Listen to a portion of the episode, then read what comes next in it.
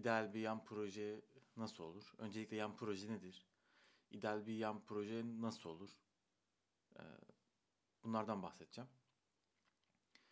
Şimdi biliyoruz ülkenin ekonomisi az çok hepimizin malumu. Kime sorsanız e, marketteki fiyatların artışını söyler zaten. Hani eğer kendi evinize alış alışverişi kendiniz yapıyorsanız bu son zamanlarda özellikle son 1-2 sene içerisinde fiyatların nasıl değiştiğini az çok karşılaştırabilirsiniz. Özellikle 10 sene 15 sene önceyle karşılaştırdığınızda fiyatların nasıl arttığını görebiliyorsunuz rahatça. Şimdi hal böyle olunca herkes de ufak tefek ekstra para kazanma arayışına girdi. Özellikle döviz olarak benim çevremde de ben de bu çabaya girenlerden birisiyim. Yani zaten hala hazırda bir işimiz var ama e, hem biraz daha birikim yapmak adına hem de kazandığım yurt dışından döviz olarak kazandığımız paranın burada daha fazla bize katkı sağlayacağını düşünerekten böyle bir yola giriyoruz. Bu yüzden de herkes ana işine ek olarak yan projelerle, ek geçim kaynaklarıyla biraz daha bütçesine katkı yapma derdinde. Şimdi bunun için yan projeler geliştiriyoruz. Peki e, yan proje ne? Şimdi tabii daha iyi tanımlar vardır muhtemelen. Hani İngilizce'de genelde side project diye geçiyor bunlar. Ben direkt yan proje olarak geçirdim. Hani ana işimizin yanında yan iş olarak yürüttüğümüz projeler olduğu için. Ben şöyle tanımlıyorum. Ya asıl işimizden farklı olacak. E, işin işin dışında kalan zamanlarda çalışacak, üreteceğiz. Çalışarak üreteceğiz bunları. E, ve asıl işten farklı olarak bize para kazandıracak. Yani asıl bir kazandığımız, asıl işimizden para kazandığımız bir para var. Bu proje yan olarak da bize ekstradan para kazandıracak. Yani bir sürü şey yan proje olarak sayabiliyoruz burada. Mesela ne olabilir? Atıyorum bir WordPress eklentisi geliştirip satabiliriz. Bir mobil uygulama geliştirip içine reklam koyup para kazanabiliriz ve mobil uygulamanın kendisini satabiliriz. Ee, in-app purchase ile veya direkt parayla. Ya da bir SaaS uygulaması geliştirip satabiliriz. Veya e, stok fotoğrafı, video bunları çekip satabiliriz. İllüstrasyonlar, vektörler çizip satabiliriz. Tasarım yapıp satabiliriz. Veya bir blog açarız e, belirli özellikli bir konuda. Onun da affiliate'den bir gelir alabiliriz. Gelir getirmeye çalışabiliriz veya başka ne olabilir? Yine içerisindeki işte AdSense reklamlarından para kazanabiliriz veya başka reklam platformlarından reklam koyarak e, para kazanabiliriz blog üzerinden veya blog etkili ise içerisine tanıtım yazısı tarzı şeyler satarak e, para kazanabiliriz. Yani daha bir sürü şey var aslında yan proje olarak yapılabilecekler. Bunlar sadece benim aklıma gelenler. Yani yan proje e, şöyle insanlarda şöyle bir algı olabiliyor. Birden hızlıca zengin edecek bizi. E, böyle bir dünya yok. Şöyle bir şey var. Yan proje dediğim şey birden para kazandırmıyor bize. Hızlıca hiçbir zaman zengin etmez. Böyle bir düşünceniz varsa uzak durun. Yani bu düşünceyi bırakın yani uzak durun demeyeyim. E, böyle başlangıçta bazen bir ay bazen birkaç ay hiç kazancınız olmayabilir. Bunu göz almak lazım. Ama düzenli uğraşırsan, düzenli vakit ayırırsan, işte biraz düzgün bir ise mutlaka ufak tefek şeyler getirmeye başlar birkaç ay sonra. Ve genelde e, bir sene sonunda bakmışsınız ki hiç azımsanmayacak bir para sizin yan projenizden bütçenize ek olarak geliyor. Şimdi yan proje genel hatlarıyla bu. Ne olduğundan bahsettim. Ee, ama şimdi her yan projenin farklı özellikleri var. Herkesin de şartları farklı ben kendime bir yan projeye başlamadan önce belirli kriterler belirledim. Yani her aklıma gelen her fikri oturup e, yazılım projesi olsun veya başka bir proje olsun oturup hemen hayata geçirmeye çalışmıyorum. Öncesinde belirli kriterlerime uyuyor mu onu kontrol ediyorum. Niye bunu yapıyorum? Çünkü şu an zaten bir asıl işimiz var. Para kazandığımız. Biz bunu yan proje olarak yapıyoruz. Dolayısıyla iş dışında kalan zamanda e, bu kalan zamanı verimli kullanarak, en verimli şekilde kullanarak daha fazla optimize bir süreç yönetmeye çalışıyoruz aslında. Bunun için de bu kriterler uyması gerekiyor. Yani fikir geldi hemen oturayım domain alayım, internet projesi hemen başlayayım e, ya da hemen alet edevat alayım, başlayayım şeklinde bir süreçtense bu kriterlere uyuyor mu? Uyuyorsa tamam ona göre başlayalım diyorum. Yani böylece e, bütün iş dışındaki bütün zamanımı da bu yan projelere aktarmak zorunda kalmıyorum. Peki ne bu kriterler? Nasıl olur? İyi bir yan proje. Bundan bahsedelim. Şimdi öncelikle bu kriterlerin benim yaşam tarzıma ve çalışma şartlarıma göre belirliyorum. Bunu söyleyeyim baştan. Yani bu herkese uymak zorunda değil. Siz de bunlar gibi kendi kriterlerinizi belirleyebilirsiniz. Bir de şimdi ben yazılım kökenli olduğum için genel olarak yan projelerimin çoğu hani web sitesi, mobil uygulama gibi böyle e, daha çok yazılımla ilintili şeyler. Yani ana proje yazılım olmasa da içinde mutlaka bir yazılım komponenti var. Yani mesela asıl iç, asıl iş içerik üretimi olsa da sonuçta bir web sitesi komponenti de var içerisinde. Dolayısıyla hani genelde benim yan proje fikirlerim bunun bunların çevresinde gelişiyor. Yani dolayısıyla diğer sektörler için bir anlam ifade etmeyebilir. Mesela bir çeviri işi için anlam ifade etmeyebilir veya diğer başka sektörler için ifade etmeye bir şey ifade etmeyebilir. Bunları lütfen göz önünde bulundurun. Şimdi öncelikle birinci kriterim benim ana işimi engellemeyecek. Ne yani? Mesela yaptığım proje ana işi engellememesi lazım. Şimdi mesela bir şirkette yazılım geliştiriyorum ama yan projem de yazılım geliştirme işi.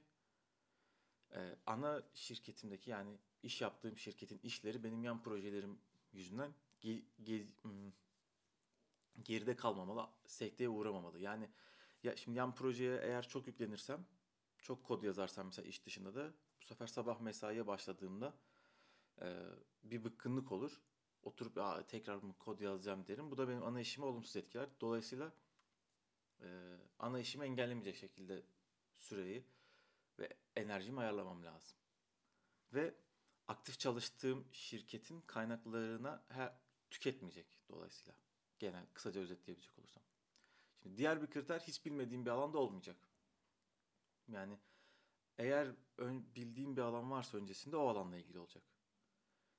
Eğer bir hiç bilmediğim bir alanda bir iş yapıyorsam bunun patlama ihtimali çok yüksek. Mesela ben ben şimdi e, erkek olarak bir makyaj malzemesiyle ilgili bir blog açmam ne kadar mantıklı? Şimdi blog kısmını açarım ama içerik üretimini e, sağlıklı yapamam ona. Dolayısıyla benim için çok mantıklı olmaz. Ama mesela sağlıkla ilgili bir şey açsam ya da atıyorum e, ne olabilir? Mesela fizyolojiyle ilgili, kas fizyolojisiyle ilgili, vücut geliştirme ile ilgili teorik bilgilerin yer aldığı bir şey açsam mesela e, daha az sırıtır. Yani içeriği başkasına ürettirecek olsam bile en azından içeriğin kalitesini anlayabilecek düzeyde bir bilgi birikimimin olması gerekiyor. Dolayısıyla hiç bildiğim kısıtlı zamanımı hiç bilmediğim bir alanda harcamak yerine e, daha verimli kullanabileceğim biraz daha fikrimin olduğu bir alanda başlamam daha mantıklı olur. Bir kriterim de bu. Şimdi benim için en önemli kriterlerden bir tanesi de ödeme sağlayıcısı. Bu gerçekten aslında önemli bir mesele. Ee, eğer bir şey satıyorsan müşteriye, bir yazılım olur, bir script olur, bir şey olur, uygulama olur. Bu par, müşteriden para alma kısmı benimle ilgili olmamalı. Yani sanal posunu ben kurmamalıyım. Bana ait olmamalı. Gerekli anlaşmaları ben yapmamalıyım. Yani bu da şuna geliyor aslında temelde. Bunun için pazar yerini kullanmam lazım. Mesela bir kitap yazdım veya bir Udemy'ye bir eğitim hazırladım. Bunu kendim ayrı bir web sitesi açıp Stripe veya Türkiye'de ise EasyCo entegrasyonu yaparak değil e, Gumroad veya Udemy gibi platform üzerinden satış yapmam lazım. Ya da diyelim mobil uygulama satacağım. E, bunu işte App Store'dan Play Store üzerinden satış yapmam lazım. Diyelim ki bir WordPress eklentisi yazdım. Ya bir WordPress teması veya ne var başka? Ne teması var? Bir e-ticaret Shopify teması yaptım diyelim tasarım. Onu Envato üzerinden satmalıyım. Yani ayrı bir platform, kendim ayrı bir alan adı alıp, domain alıp bir tasarım site oluşturup oradan satmamalıyım. Yani şimdi diyeceksiniz ki pazar yerleri komisyon kesiyor. Evet kesiyor. Bu hepimizin malumu. Ama bu kestiği komisyon sayesinde bizi bir sürü şeyden kurtarıyor aslında. Yani ödeme sağlayıcıları da komisyon kesiyor. Yani pazar yeri kadar olmasa da onlar da kesiyor. Mesela e, Envato'da bir şey sattınız. Team Forest'ta, Code Canyon'da. Bir şey sattınız diyelim. Orada o da sizden komisyon kesiyor. Yani, tamam ödeme sağlayıcıları daha az kesiyor ama sonuçta ikisi de kesiyor yani. Ee, bunların da avantajı dezavantajı var. İkisini karşılaştırıp ona göre seçim yapmak gerekiyor yani durumda. Ben kendi durumum için konuşuyorum. Bir de ödeme sağlayıcısını ben entegre edersem e, fatura gibi işlerde bana ekstra yük oluşturuyor. Artı e, destek taleplerine doğrudan benim bakmam gerekiyor. İşte iade talepleri var diğer bir yandan. Onları doğrudan benim işlem almam gerekiyor. Ama pazar yerinde bunu yaparsam bu yükler benden çıkıyor. İşlem tamamlandığında direkt doğrudan e, genelde sorunsuz bir şekilde pazar yerinin sorumluluğunda oluyor. Yani ben sadece ne yapıyorum? Aylık ödeme alacağım günü bekliyorum. Bu yüzden e, önemli bence. Diğer bir şey pazarlama ve tanıtım bütçesini minimumda tutmak. En azından başlangıç için. Şimdi tanıtım ve pazarlama iş yapmak güven özveri tecrübe istiyor. Ee, aslında en az proje kadar önemli. Ama minimum zaman ve bütçeyle yapmaya çalıştığımız için en azından başlangıç kısmı için e, belki doğrulama kısmı için bunlara zaman ay- ayırmak istemiyorum ben. İşte burada da yine tekrardan aslında devreye yine pazar yerleri giriyor. Niye pazar yeri giriyor tekrar? Şimdi pazar yerleri zaten hazır bir trafiği var. Kendileri dışarıya reklam için televizyon reklamı olsun. internet reklamı, online mecralar olsun. Sosyal medya olsun.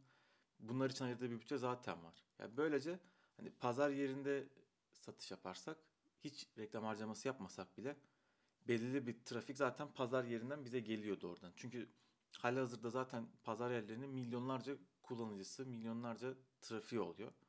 Ya dolayısıyla bizim de ürünümüz orada listelendiği için e, bir şekilde ya arama kısmından ya dışarıya çıktıkları reklamlar ilgili kişiye ulaşmamız çok daha kolay oluyor.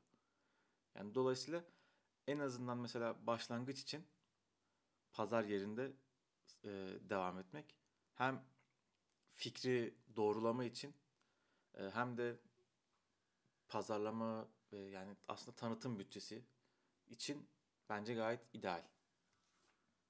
Özellikle bireysel olduğumuz için yani bireysel ve yan proje olduğumuz için diğer şartlar dışında. Bir de zaman ihtiyacının da minimum olması lazım bütçenin dışında. Yani zaten ana işimiz var. Biz bu işi yan iş olarak yapıyoruz. Dolayısıyla e, hem kendimize hem ailemize e, vakit ayırabilmemiz için, sosyal alanda da e, kendimize vakit ayırabilmemiz için bu iş ayırdığımız zaman minimum olmalı. Yani her gün oturup 6 saat bir yan projeyle uğraşıyorsanız o yan proje olmuyor. Yani zaten işte 8-9 saat harcıyorsunuz. Her gün 6 saatte bir yan proje için harcarsanız günde 15 saatiniz geçiyor. Sonrasında hadi bir hafta, iki hafta, bir ay olsun, iki ay olsun. Üçüncü haftada, üçüncü ayda patlarsınız. Mental olarak da, fiziksel olarak da patlarsınız artık. Bu sefer hmm, işte rast gitmezse, işler de rast gitmezse bu sefer sizin için bir yıkım olur. Benim için olur yani en azından. Dolayısıyla e, bu ayrılan zamanda minimum olması lazım. Yani projeyi hayata geçirdik diyelim, başladık. Hani pazara çıktı, pazar yerinde satışa çıktı. E, sürdürmek için gereken zaman da minimum olmalı. Yani her gün düzenli bir iş yapıyorsam, her gün yine 3-4 saat ayırıyorsam bu yine sağlıklı bir şey değil. Kendime ve aileme zaman ayıramam. Bu da kötü. Ekstra bir stres kaynağı hepimiz için. Şimdi diğer bir maddede e, yurt dışı mevzusu. Yurt dışına hitap etmesi lazım. Şimdi Türkiye içerisine hitap eden yan projede yapılabilir eğer hazır kitleniz varsa ama diyoruz ki asıl hedefimiz döviz olarak para kazanmak. Şimdi herkes artık anlatıyor Twitter'da, YouTube'da te- tecrübelerini paylaşıyorlar. Bununla ilgili daha çok kaynak bulabilirsiniz. YouTube'da, Twitter'da, Medium'da çok güzel yazılar var. Bunlara bakabilirsiniz özellikle dolar kazanmakla alakalı. Ama burada benim için bir maddede yapacağım iş yurt dışına hitap etmeli. Yani mesela ne demek istiyorum? Bir mobil uygulama yapacaksam eğer e, KPSS soru bankası yapmak yerine atıyorum TOEFL soru bankası yapmak daha mantıklı. Benim gözümde. Niye? Çünkü e, KPSS dediğim şey sadece Türkiye'ye özel. Ama mesela TOEFL'a yönelik bir soru bankası, bir deneme uygulaması bütün dünyaya kapsar yani. Ana dil İngilizce olmayan ülkelerin hepsini kapsayacağı için bu durumda e, daha global oluyor. Yani bu sadece örnekti. Daha farklı örnekler de verilebilir. Dolayısıyla yurt dışına da hitap etmeli. Onun dışında e, son kriterim benim tezgahın başında benim durmam gerekmemeli. Şimdi projeden para kazanabilmem için benim sürekli o projenin başında durmam ve aktif olarak e, zamanımı satmam gerekmemeli. Yani ben müşteri aramamalıyım. Oturup aktif müşteri için e, pro, freelance proje yapmamalıyım. Yani başlangıçta tezgahın başında durmadığımız işler. Yani pazar yeri gibi, bu mobil uygulama sattığımız işler gibi projeler bize başlangıçta az kazandırabilir. Ama zaten benim kaçınmak istediğim şey e, tam olarak bu zaten yani. Tezgahın başında durmayayım. Hani pasif gelir muhabbeti var ama var ona girmek istemiyorum ama e, yani yapmak istediğim şey aslında tam olarak bu zaten. Telefonum çalıyor pardon. Yani çalacak herhalde. Parazit geldi. Pardon özür dilerim. E, yani tezgahın başında durmamalıyım kısaca. Niye? Çünkü mesela Upwork'ten de iş alabilirim. Hmm, oradan da çok güzel dolar olarak para kazanılabilir, iş kovalanabilir. Ama ben zaten e, bunu yan iş olarak yaptığım için asıl işimden zaten para kazanıyorum. Müşteri peşinde koşmak ve aktif olarak bir iş üzerinde çalışıp o iş üzerinden para kazanmak istemiyorum. Yani biraz da hani pasif tarafa kayacak bir şey arayışındayım. Ee, yani zaten aktif olarak bir işte çalışıyorken iş dışında başka bir müşteriyle de uğraşmak sürdürülebilir bir şey değil. Zaten gündüz vakti uğraştığınız başka müşteriler var. Onlarla uğraşıyorsunuz. E, akşam da e, diğer platformlarda müşteri kovalamak artı iş yaptığınız müşteriyle iletişime geçmek, onunla e, bir şeyler yapmaya çalışmak, onun projelerini ilerlemek o kadar kolay değil. Genel olarak maddeler buydu benim dikkat ettiklerim. Tekrar bir baştan başlıklarla e, sayayım. Ne dedim? Ana işimi engellemeyecek dedim. E, hiç bilmediğim bir alanda olmayacak. Daha önce az da olsa tecrübemin olduğu, fikir yürütebildiğim alanlarda olacak. Ödeme sağlayıcısını ben ayarlamayacağım, ben entegre etmeyeceğim. E, yani bu da pazar yeri olay, pazar yerine çıkıyor. Minimum ta- pazarlama ve e, tanıtım, reklam bütçesi olacak. Bu da aynı şekilde pazar yerine çıkıyor nispeten. Minimum zaman ihtiyacı olacak. Yani çok az zaman ayıracağım dedim. Yurt dışına hitap edecek dedim. Ya tezgahın başında benim durmam gerekmeyecek dedim. Maddeler bunlardı. Benim kendi koyduğum kurallar. Bir toparlayacak olursam da e, yani bu yan proje fikri her gün daha da motive ediyor beni. Daha mantıklı hale geliyor. Çünkü yurt dışı hedefli projelerden kazanılan paralar gerçekten e, Türkiye'de hayatınızı çok rahat bir şekilde idame ettirebiliniz, et, et, ettirmenizi sağlayacak türden gelirler oluyor. Mesela şimdi kafadan bir e, aylık 500 dolar bir gelirinizin olduğu bir mobil uygulamada veya bir yan projede genel olarak Türkiye'de şu anki şartlarda baktığınız zaman 3500-4000 lira arası bir getirisi oluyor. Yani şimdi buna baktığınız zaman asgari ücretin neredeyse iki katına yakın bir para. Ee, ve genel olarak eğer işinizi iyi yapan biriyseniz e, bir şeyleri doğru yaptıysanız biraz da şansınız yaver giderse belki birinci, ikinci, üçüncü projede istediğiniz şey olmayabilir ama biraz sabır, biraz e, zaman ayırma, biraz motivasyonla e, biraz da odaklanmayla bu şeyler hayal değil ama dediğim gibi yani biraz işin sonunda başarısız olmak da e, gayet mümkün. Ama burada zaten e, ana işimizi baltalamadığı için bence bunlar alınabilir ve denenebilir riskler. Yani bu kriterler size uymayabilir. Benim bu saydığım kriterler. E, benim bu kriterlerin biraz da bu başarısızlık ihtimalini azaltmak. Yani başarısız olsam da nispeten daha az üzüleceğimi üzülmemi sağlayacak kriterler. Aynı zamanda başarılı olma ihtimalimi de arttıracak şeyler. Yani olmama ihtimali düşük olan şeyleri elememi sağlıyor. Dolayısıyla bu başlıklar çerçevesinde siz de böyle kendi kriterlerinizi belirleyip kendi e, koşullarınıza göre olan kriterleri belirleyip başlayabilirsiniz. Yani zaman geçiyor artık aleyhimize işliyor. Geçen her saniye ne olacağını bilmiyoruz. Dolayısıyla aleyhimize işliyor tamamen. Hemen işe koyulmamız lazım ee, ve gerçekten oturup çalışıp somut adımlar atmamız lazım. Yani ben kendi projelerimle alakalı bu podcast üzerinden de sonrasında belki Twitter üzerinden farklı yerler yani Twitter ve burası olur herhalde. Paylaştık kendi projelerinde ne durumda olduğumu paylaşacağım buralardan.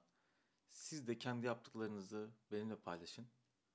Bakalım e, nasıl başladık, hikayelerimiz nasıl gidiyor, e, neleri batıracağız, neleri iyi yapacağız, neler öğreneceğiz. Belki birbirimizden öğreneceğimiz çok şey olur. E, dolayısıyla el ele verip hepimiz kendimiz için bir şeyler yapalım. Bugünlük anlatacaklarım bu kadar. Bana nasıl ulaşabilirsiniz? Projelerinizle ilgili veya genel eklemek, çıkarmak, katılmadığınız fikirler, katıldığınız fikirlerle alakalı. Aslan.md benim web sitem. Ee, Oradaki iletişim bölümünden ulaşabilirsiniz. Oradaki sosyal medya hesaplarından bana ulaşabilirsiniz. Ee, onun dışında drabdusametaslan.gmail.com benim genel kullandığım, sürekli kontrol ettiğim mail adresim. Oradan da ulaşabilirsiniz. Bu podcast'i Anchor üzerinden yayınlıyorum. Anchor uygulaması üzerinden de e, hem kendi podcast'inizi çekebilirsiniz hem de kendi hikayenizi sesli olarak çekip bana da gönderebilirsiniz. Ben de bu podcast'te yayınlayabilirim. Bugünlük anlatacaklarım bu kadar. Bugün ideal beyan proje nasıl olur onu konuştuk. Sonraki bölümde görüşmek üzere. Hoşçakalın.